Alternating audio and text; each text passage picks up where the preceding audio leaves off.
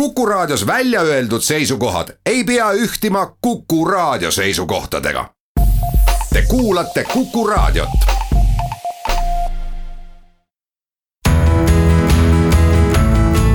kuku Raadio nädala kommentaar. olen Hardo Pajula ja tõmban oma tänase epistliga joone alla järjekordsele neljanädalasele kommentaaritsüklile, mille teemaks oli Peeter meile seekord ette antud pensionisamba.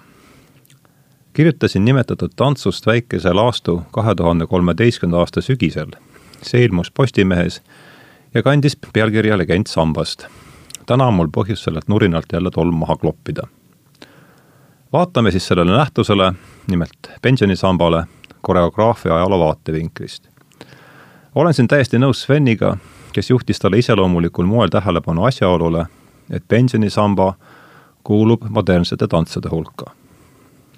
sõna pension me Läti Hendriku kroonikast ei leia, kirjutab Sven. pension on uus asi nagu feminism või fentanüül ehk kolmerattaline hipsterite elektriauto. oli vist kuskil mingi kolmerattaline elektrikäula, aga enam ei ole ja keegi ei tunne tast puudust. olid kunagi hartamehed, oli jääkelder, enam ei ole ja keegi ei nuta neid taga enamus uusi asju ei hakka kunagi tööle elada saab ka ilma mõnglite ja vupliteta. siin olekski nüüd paslik sooritada väike ekskurss teistesse aegadesse ja kohtadesse, et vaadata, kuidas on käinud mõnglite ja vupliteta tantsud. järgnevat ei tuleks käsitleda üleskutsena sellistesse aegadesse ja kohtadesse tagasi minna. see ei ole niikuinii võimalik. küll peaks aga selline silmaringi avardamise harjutus andma meile selgema ettekujutuse oma praeguse enesestmõistetavaks peetud elukorralduse sattumuslikkusest ja haprusest minu jaoks on pensionisamba ajalooliste juurte otsingutel endiselt emotsionaalselt kõige haaravamaks katseks Shohei Imamura tuhande üheksasaja kaheksakümne kolmanda aasta mängufilm Legend Narayamast. annan endale aru, et olen siin vähemuses. filmikriitik Roger Ebert on kirjutanud sellest linnateosest niimoodi. Legend Narayamast võitis Cannes'is peaauhinna, kuid see ei ole selline film, millest saaks hitt, isegi mitte kinogurmaanide hulgas see vaatab liiga sügavalt enda sisse, liiga otse julmusele silma, on liiga jaapanlik. see kõik teeb temast aga seda lummavama elamuse. Imamura film ei vii meid keskaegsesse Euroopasse, vaid üksnes üle-eelmisesse sajandisse Jaapanis. kaamera fookuses on üksik Jaapani mägiküla, pole elektrit, internetti ega EAS-i püsimajäämise piiril vaakuva inimkoosluse omavahelist läbikäimist valitsevad karmid reeglid vargaks osutunud külaelanikule ei kutsuta Tokyost politseid, vaid see maetakse ühel ööl elusalt koos oma perega. filmi kandvaks teljeks on aga Ubasuta nimeline praktika, mis seisneb selles, et lapsed peavad viima oma seitsmekümneaastaseks saanud vanemad Narayama mäele surema. loo peategelaseks on kuuekümne üheksa aastane laitmatute hammastega matroon Orin kes on üsna kinopildi alguses tunnistajaks võikale stseenile, kus ühe külaelaniku poeg oma vastupinna, vastupunnivat isa Narjaamale tirib. Orin otsustab surmale väärikalt silma vaadata. tema on see, kes oma vastupuiklevat poega viimasele matkale kannustab. aeglaselt oma lumest samba alla mattuvat Orinit kujutavad lõpukaadrid on minu jaoks ühed filmiajaloo mõjuvamad. tuleme nüüd natuke ajas ja ruumis kodule lähemale möödunud sajandi esimesel kolmandikul elas Cambridge'is kahekümne kuue aastaselt surnud matemaatik Frank Ramsey, kes sai kuulsaks oma optimaalse säästmise teooriaga.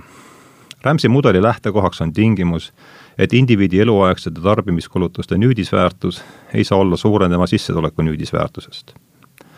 üksikute perioodide lõikes võib aga tarbimine sissetulekut nii ületada, kui sellest maha jääda konkreetse inimese ajaline tarbimistrajektoor sõltub tema loomulaadist üks kuhjab endale nooruses suured võlad ja kulutab ülejäänud elu nende tagasimaksmiseks. teine jälle ei võta kunagi laenu, kuid pidutseb headel päevadel täie rinnaga ning imeb kasinematel käppa. kolmas suudab säästa kui tahes piskust tulust. võimalusi on siin mitmeid. nii nagu Orini puhul, nii saab ka Ramsey mudeli lihtsamas variandis, sellises, kus inimene teab täpselt oma surmakuupäeva ja kõikide tulevaste perioodide sissetulekuid, rääkida pensionist vaid ülekantud tähenduses. umbes nii, kui keegi ütleb, et see maal või maatükk on tema pensionisammas. tegelikult ei tea keegi muidugi kumbagi ja nii on pension optimaalse säästmise mudelis kontseptuaalselt tõlgendatav kindlustuspoliisina selle vastu, et inimene elab kauem, kui ta on esialgselt plaaninud. pange tähele, et Rämsi mudelis pole juttu ei pensioni ega vetelpäästeametist. tegemist on indiviidi ees seisva dünaamilise optimeerimise, optimeerimise harjutusega. Tunnistan siinkohal ausalt, et ma ei ole kursis kõigi Kristjan Järvani ja Jürgen Ligi viimase aja rehkendustega. Neid toodavad meil igal päeval sajad riiklikud ja poolriiklikud arvutite ja elektriga varustatud puhvetid, kes jõuaks selles arvurodus näpuga järge ajada miskipärast ei usu ma, et kumbki eelnimetatud kahest arvutajast oleks oma viimase aja filipikates Rams'i jutuks võtnud. selleks on muidugi hea põhjus. probleem ei ole oma olemuselt kvantitatiivne, võib-olla isegi mitte loogiline. kui näputäis kodanikke maha arvata, siis jääb meie igapäevane tegevus üllastest optimeerimispõhimõtetest kaugele maha. probleem on lihtsalt öeldes selles, et inimelu on lõplik ja lõpp kipub pahatihti olema kaunis vaevaline sest haiguse, vanaduse, üksinduse, mahajäetuse ja surma vastu ei ole matemaatikat. elu olemusliku traagilisusega leppimiseks on meie kauged eellased katsetanud erinevate luulusüsteemidega, kui ma tohin nüüd taas Svenilt vajalikku oskussõna laenata.